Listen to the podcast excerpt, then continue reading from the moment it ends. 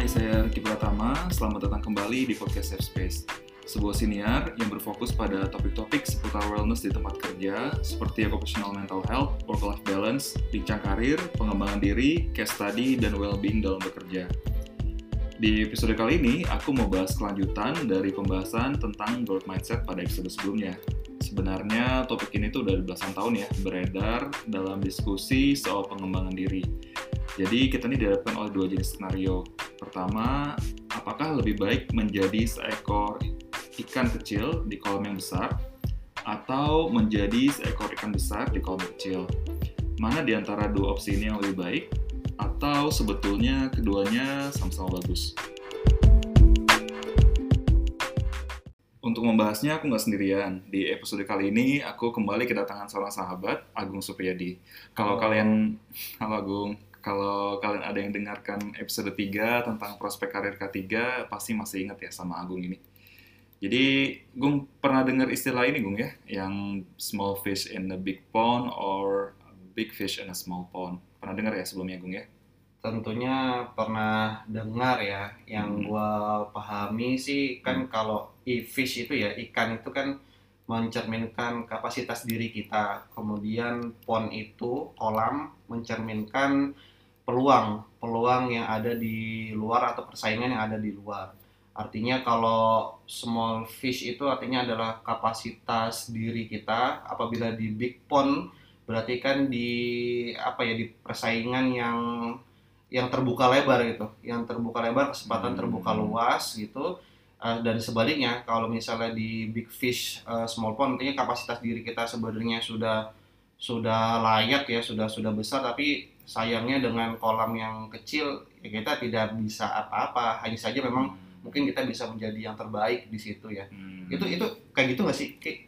Jadi sama sih Gung yang pengertian yang lo kasih barusan. Jadi fish itu lebih ke diri kita ya Gung. ya. Hmm. Kalau pon itu lingkungan kita entah itu bekerja gitu ya atau sekolah mungkin atau organisasi gitu ya. Jadi gue pertama kali denger ini tau nggak Gung? Kan kita dulu sangkatan ya. Dulu gue pernah kali denger ini di kampus di UI dari Bang Angyun ya kalau masih inget. Jadi dia tuh waktu itu menganalogikannya gini. Jadi yang big fish itu eh sorry Iya, uh, Big Fish in a Small Pond ya. Jadi Small Pond itu organisasi yang uh, lebih kecil lah gitu. Uh, jumlah anggotanya maupun kegiatannya kayak Kopma kita dulu ya ada ya. Terus sama ada teater gitu segala macam. Yang anggota nggak gitu banyak. Nah dia bandingin sama uh, kalau kita ada sebagai seorang small fish atau seorang staff tapi organisasi yang besar kayak di BEM atau di Nurani waktu itu kan ya.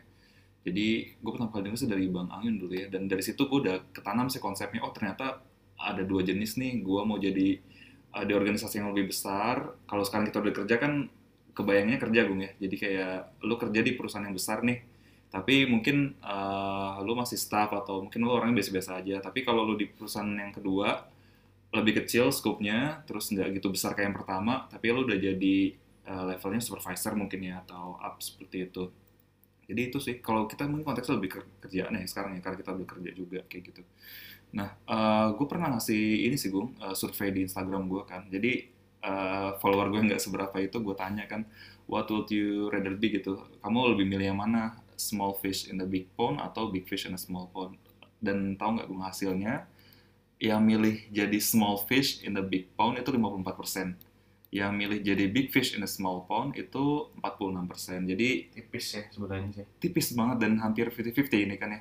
Jadi kayak orang tuh masih lebih prefer atau masih lebih milih untuk nggak apa-apa deh gue jadi sm- small fish dulu tapi kolam gue lebih besar nih atau tempat gue lebih besar. Kalau lu sendiri gimana um, menanggapi hasil survei ini gue? Iya, kita nggak bisa selamanya menjadi small fish, nggak bisa juga selamanya jadi big fish sih. Hmm. Ya pintar-pintar aja menempatkan sesuatu ya. Kalau di awal-awal kita karir, pastinya yang paling bagus menurut gua sih ya small fish, big pond. Ya, Karena dengan persaingan kesempatan terbuka lebar, Hmm. small fish ini nanti dengan makan yang kesempatan makan lebih banyak, kemudian oksigen yang lebih banyak, Hmm. dia akan bisa menjadi big fish. Nah, ketika sudah menjadi big fish dan kolamnya sudah terasa lebih kecil, ya lu jangan di kolam doang, Hmm. lu carilah samudra yang lebih luas gitu. Makanya gue bilang nggak bisa selamanya kita satu pilihan tergantung kondisinya ya Hmm. bahkan suatu saat mungkin mungkin yang terbaik adalah kita di big fish small pond ya contohnya ketika kita ingin membuka ini ya usaha gitu kan Hmm. membuka usaha ya kita di awal-awal pilih yang low risk dulu kali ya. Low risk low return dulu gitu. Misalnya jual-jualan yang ya yang yang belum ada saingannya lah tapi ya meskipun revenue-nya atau balikannya juga nggak terlalu banyak tapi nggak apa-apa buat kita belajar dulu gitu.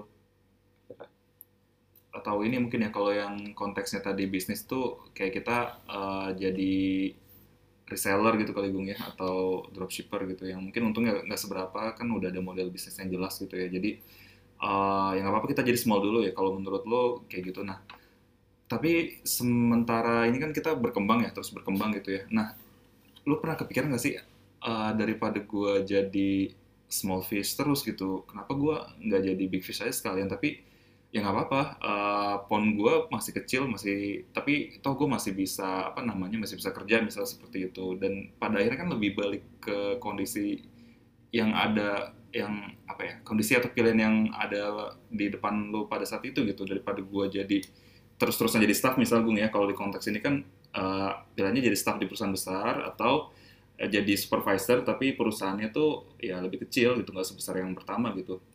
Mungkin gak sih ada menurut lo pribadi itu justified gak sih atau make sense gak sih kalau ada orang mirip kayak gitu kalau gue ngeliatnya dari konteks K3 ya karena Hmm. K3 ini kan dia nggak semua perusahaan itu memiliki komitmen yang kuat ya komitmen yang kuat ini cenderung di perusahaan-perusahaan yang memang eh, punya cabang atau punya headquarter itu di luar negeri artinya perusahaan multinasional gitu Hmm. kalau perusahaan-perusahaan yang kecil itu jarang banget sih yang punya Mhm. eh, komitmen sekuat itu gitu. Jadi kalau gua pakai konteks gua sebagai praktisi K3 ya gua sih nggak nggak pengen kerja K3 di perusahaan-perusahaan kecil. Contoh ya, contoh misalnya Hmm. Eh, ini mohon maaf ya bukannya mau menjelekan atau mau apa ya, tapi kalau misalnya di perusahaan tahu misalnya ya, Hmm. perusahaan tahu itu kan dia banyak bahayanya tuh kan, ada air panas, kemudian juga licin gitu kan, kemudian ada apa ya, ada boiler, ada ada bahaya biologis gitu. Hmm. Lalu jadi HSE manager di pabrik tahu gampang banget, itu langsung Hmm. gitu. Cuman lu dapat pengalaman apa di situ? Jadi nggak nggak- banyak lah yang dipelajarin Gung, ya Ah. bisa dibilang gitu ya dibanding Iya, lu lu lu, lu ngasih Hmm. up, ngasih kebijakan apa di situ juga paling nggak punya duit bahasanya gitu mungkin Iya, ya. iya, iya. Nah, Jadi kalau konteksnya K3, gue sih cenderung yang nggak apa-apa, yang kecil tapi dia di di perusahaan yang yang besar. Hmm. Mungkin kalau dipakai konteks yang lain selain K3 bisa beda sih ya. Hmm. Karena kan yang tadi lo bilang itu eh, kita lebih ke arah ini ya, apa yang bisa kita pelajarin dan apa yang bisa kita implementasikan gitu. Karena kalau perusahaan yang besar, apalagi multinational company, itu dia kan udah punya komitmen dan kayak program itu udah reguler gak sih, udah berjalan lah gitu. Kita tinggal running the program aja sebenarnya. Sementara kalau di perusahaan kecil, kita minta apa, minta apa kan belum tentu ada ya budgetnya atau ada komitmennya seperti itu dari manajemennya mereka. Iya, dalam dalam konteks K3 tadi yang yang lu bilang perusahaan kecil, kadang Hmm. K3 itu juga jadi prasyarat doang gitu. Dia misalnya ada ya. tender gitu kan. Iya, iya, Jadi iya, tender iya. yang penting dia ada kebijakan, ada Benar, prosedur benar. tertulis terus di lapangan tuh zero gitu. Hmm. Hmm. Nah, tapi ada satu ini sih, Gung. Sebelum kita mulai podcast, ada satu riset yang gue lakuin sih. Bukan riset sih, gue ada baca-baca ya. Jadi, eh, memang sih yang Agung bilang tadi itu betul ya. Jadi, istilahnya fish grow larger if you place them in the bigger pond, so do people. Jadi, ya memang pada saat pada saatnya nanti eh, tadinya dia small fish dia akan membesarkan kalau dia mendapat nutrisi dia dapat banyak asupan. Kayak tadi Agung bilang kalau kita kerja K3 kita kerja di multinational company gitu misalnya. One day kita pasti akan bigger gitu karena kita dapat banyak eh, ilmu banyak eh, ya banyak nutrisi lah dari tempat tersebut gitu. Nah tapi di satu sisi Gung ada istilahnya the big fish little pond effect jadi ini ada satu studi yang menarik ya. Eh, jadi the big fish little pond itu artinya ikan besar tapi di eh, kolam yang kecil ya. Eh, efek atau efek daripada eh, si big fish in, in the little pond itu. Jadi ini dari beberapa studi yang dilakukan pa- oleh kepada para student atau mahasiswa, pelajar, eh, atlet maupun orang lain yang mereka memang berkompetisi untuk uh, ada di dalam sebuah ranking seperti itu ya. Jadi psikologis atau para peneliti yang uh, bekerja dalam beberapa studi tersebut itu tuh percaya bahwa people feel better when they are a big fish in the, in the little pond. Jadi orang tuh akan ngerasa lebih baik gitu ya atau merasa better gitu kalau ketika mereka menjadi seorang big fish tapi di uh, small pond. Nah, jadi uh, setelah diteliti itu ya uniknya performance mereka itu secara umum dinilai lebih bagus kayak gitu. Kenapa? Karena big fish itu memvalidasi uh, mereka dan membantu mereka untuk menjadi orang yang lebih confident uh, untuk maju ke depan dan uh, achieve atau mencapai uh, lebih daripada itu gitu. Mungkin pernah dengar nggak yang kayak gini? Jadi ketika lu jadi big fish meskipun tempat lu kecil lu jadi punya apa ya self esteem lu jadi meningkat gitu. Bisa iya. gak sih kayak gitu? Ya itu logika yang sangat wajar ya lu ikan besar terus di kolam kecil ya semua orang akan bisa ngelihat lu gitu lu lu hmm. lu akan dipandang sebagai bos gue sih hmm. punya punya punya pengalaman juga ya dulu ketika gue maju di mapres kompetisi mapres hmm. di kampus yang dulu FKM UI itu hmm gue tuh punya strategi sebenarnya. Kalau biasanya dia tuh mapres itu kan di tingkat ketiga ya tahun ketiga. Mm-hmm. Gue tuh sengaja gue oh, tuh yeah. gak maju di tingkat ketiga. Keempat ya. Gue maju di tingkat keempat sengaja. Memang ya gue pengen jadi big fish di situ. Mm. Ya, yang lain itu ibaratnya ya not small juga sih medium fish tapi seenggaknya mm-hmm. kalau menurut gue gue gue gue bigger deh bigger dari at the time ya mm-hmm. gitu dengan pengalaman gue di organisasi dengan gue ada di asrama uh, kemudian sertifikat yang sangat banyak mau dia juara-juara ini juara itu hmm. menurut gue sih gue harusnya bisa menang di hmm. situ gitu dan memang benar secara CV itu bagus gitu kalau boleh gue duga sih memang yang paling bagus CV-nya hmm. dan itu meningkatkan esteem gue gitu memang kerasa banget sih kerasa esteemnya meningkat cuman ya ternyata ada bumerangnya juga gitu terlalu percaya diri itu membuat ini ya membuat kita tuh nggak nggak apa ya nggak waspada gitu ya. Tapi kan lo tetap tiga besar waktu itu kan? Tetap tiga besar tapi sejujurnya target gue ya gue bisa mewakilin FKM UI iya, iya, gitu. iya, dan memang ya gue waktu itu kan juara dua dan juara satu ini memang oh, juara dua ya? lebih lebih baik sih daripada gue gitu. Ayo, ya. lebih baik nah, memang menangnya di ini di uh, presentasi presenting ya presenting dia bagus emang. Di idenya gitu. Bener, bener. ya gue eh, gue kebanting banget ya. Gue gue memang saat itu kebanting banget sama dia. Hmm. memang tapi kalau CV menurut gue sih gue gue bisa bersaing sehingga ya gue nggak nggak turun-turun amat sih. Bener-bener gitu. gue masih ingat sih waktu itu jadi kalau lu kan di tahun ketiga eh empat ya gue waktu itu ikut yang tahun ketiga gue jadi gue sih nggak sampai sebagus lu ya gue cuma finalis peringkat berapa? Lima empat apa lima gitu gue lupa. Nggak nggak tiga besar lah pokoknya.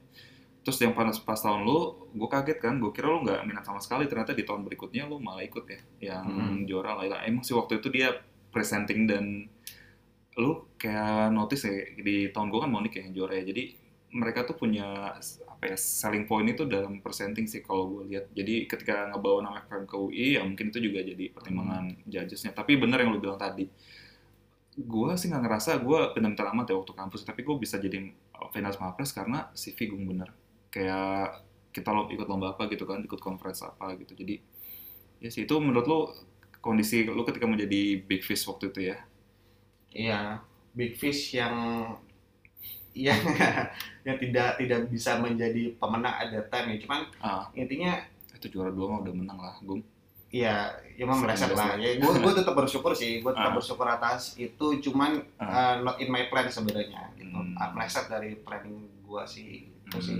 Cuman ya, ya gini aja ya, mau lu small fish, mau lu big fish, mau hmm. lu di small pond atau big pond, hmm. ya lu jangan mikirin diri lu doang sih gitu. Lu hmm. pikirin juga sekitarnya. Lu kalau jadi big fish di small pond tapi lu akhirnya malah mau ngebuat mm. ikan lain mati mm. kemudian lu gak bagi makan ke small fish lain yang ada di situ mm. yang manfaat lu orang dan hidup ini nggak hanya lu doang mm. banyak juga yang lain yang mungkin dengan kekuasaan kita itu kita bisa membantu iya iya itu insight yang sangat bagus sekali ya uh, ngomong soal pengalaman di kampus nih Gung ini juga ada satu ini sih satu fakta yang menarik juga ya. Uh, kalau tadi kan kita ngomonginnya konteksnya kita ya uh, sekarang udah berkarir hampir 10 tahun seperti itu setelah lulus.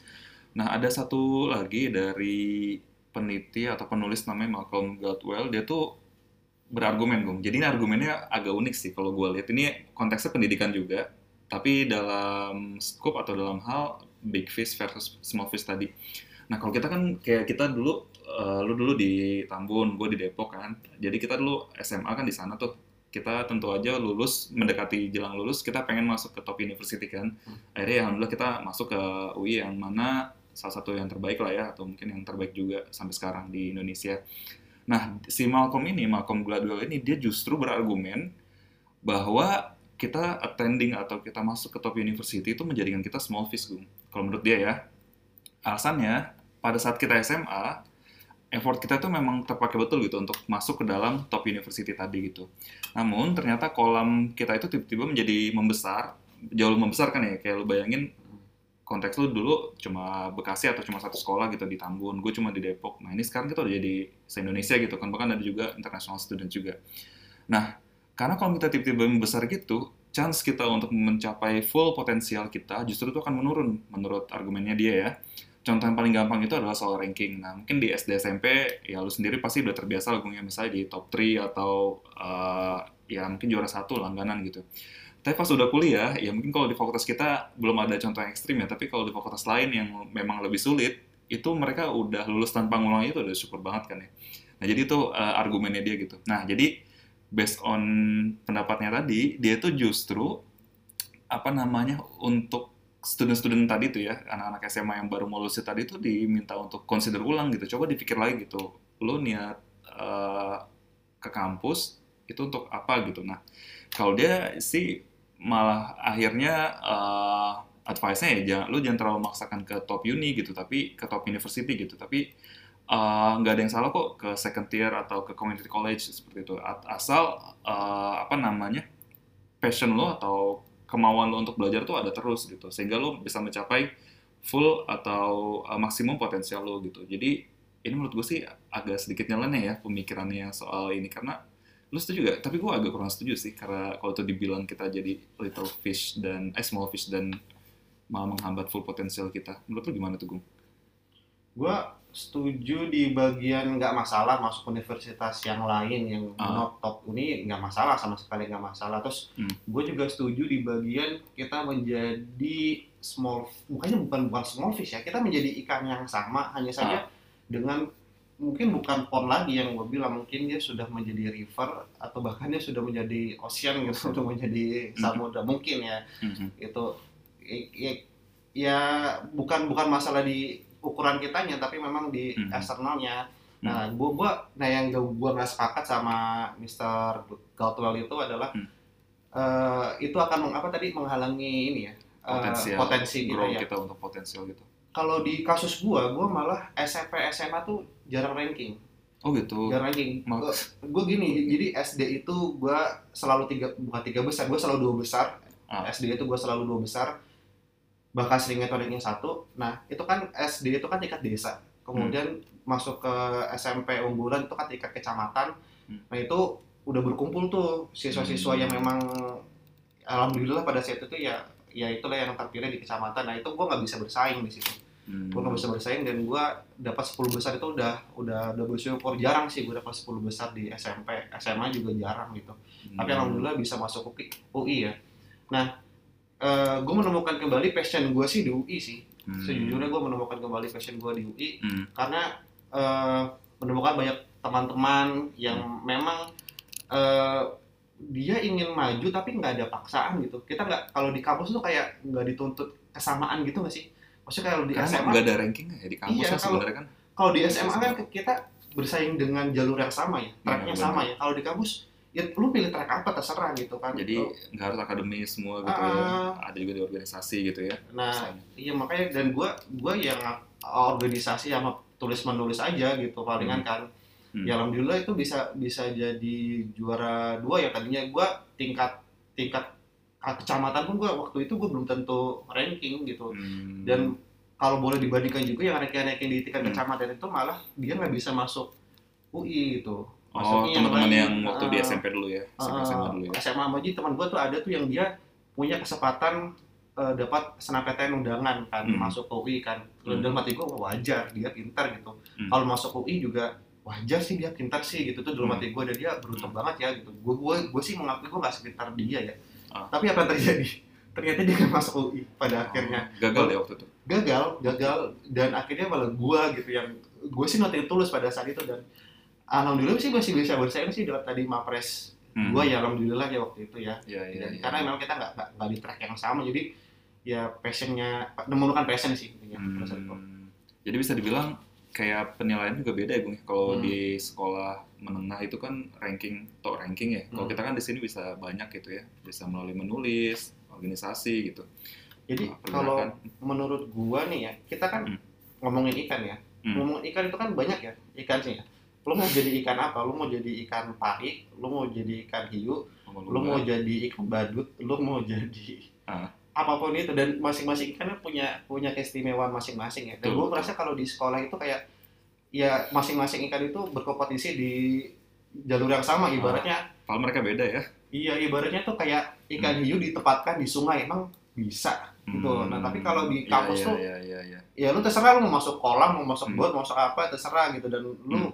Coba berusaha yang terbaik aja Iya, iya, Ya, nggak ada paksaan itu sih yang gue menemukan sih Oke, make sense sih dan ya ini tadi insight yang bagus ya dari Lugung ya. Kalau kita emang ikan yang beda-beda sih sebenarnya dan Hmm. sebenarnya kalau kita ada di big pond seperti di kampus itu justru kasih peluang ke kita ya untuk Hmm. berkembang dengan cara yang masing-masing gitu ya. Yang belum tentu bisa kita lakukan kalau misalnya let's say di kampus yang mungkin tidak sebesar seperti itu gitu ya, tapi Iya. university gitu ya. Ya, tapi kalaupun di kampus yang nggak terlalu besar ya juga masih ada kesempatan itu Ka- karena gue ngeliat bos gua itu Hmm. itu bukan dari universitas negeri ya Mhm. ini mohon maaf ya bukan mau merendahkan atau gimana tapi pada nyatanya eh, dia jadi lebih baik daripada gua namanya bos kan ya.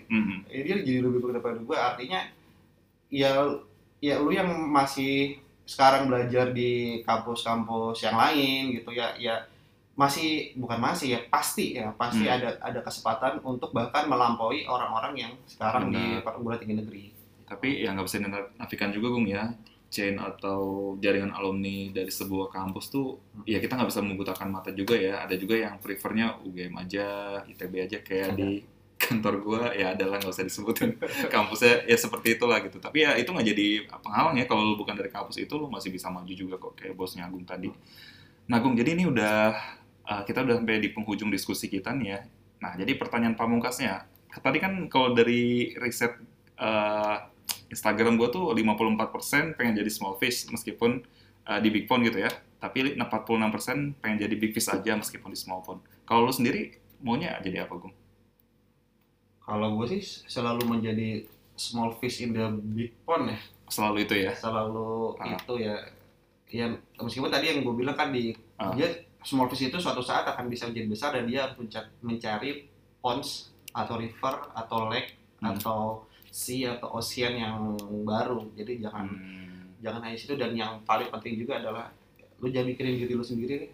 Hmm. banyak yang harus dibantu juga Iya, iya, iya, iya. Kalau gue sih untuk saat ini Gung ya, jujur gue lagi ada di fase gue lebih nyaman jadi big fish tapi in small pond gitu. Hmm. Karena di previous employment gue, gue ngerasa gue masih small fish tapi di big pond gitu.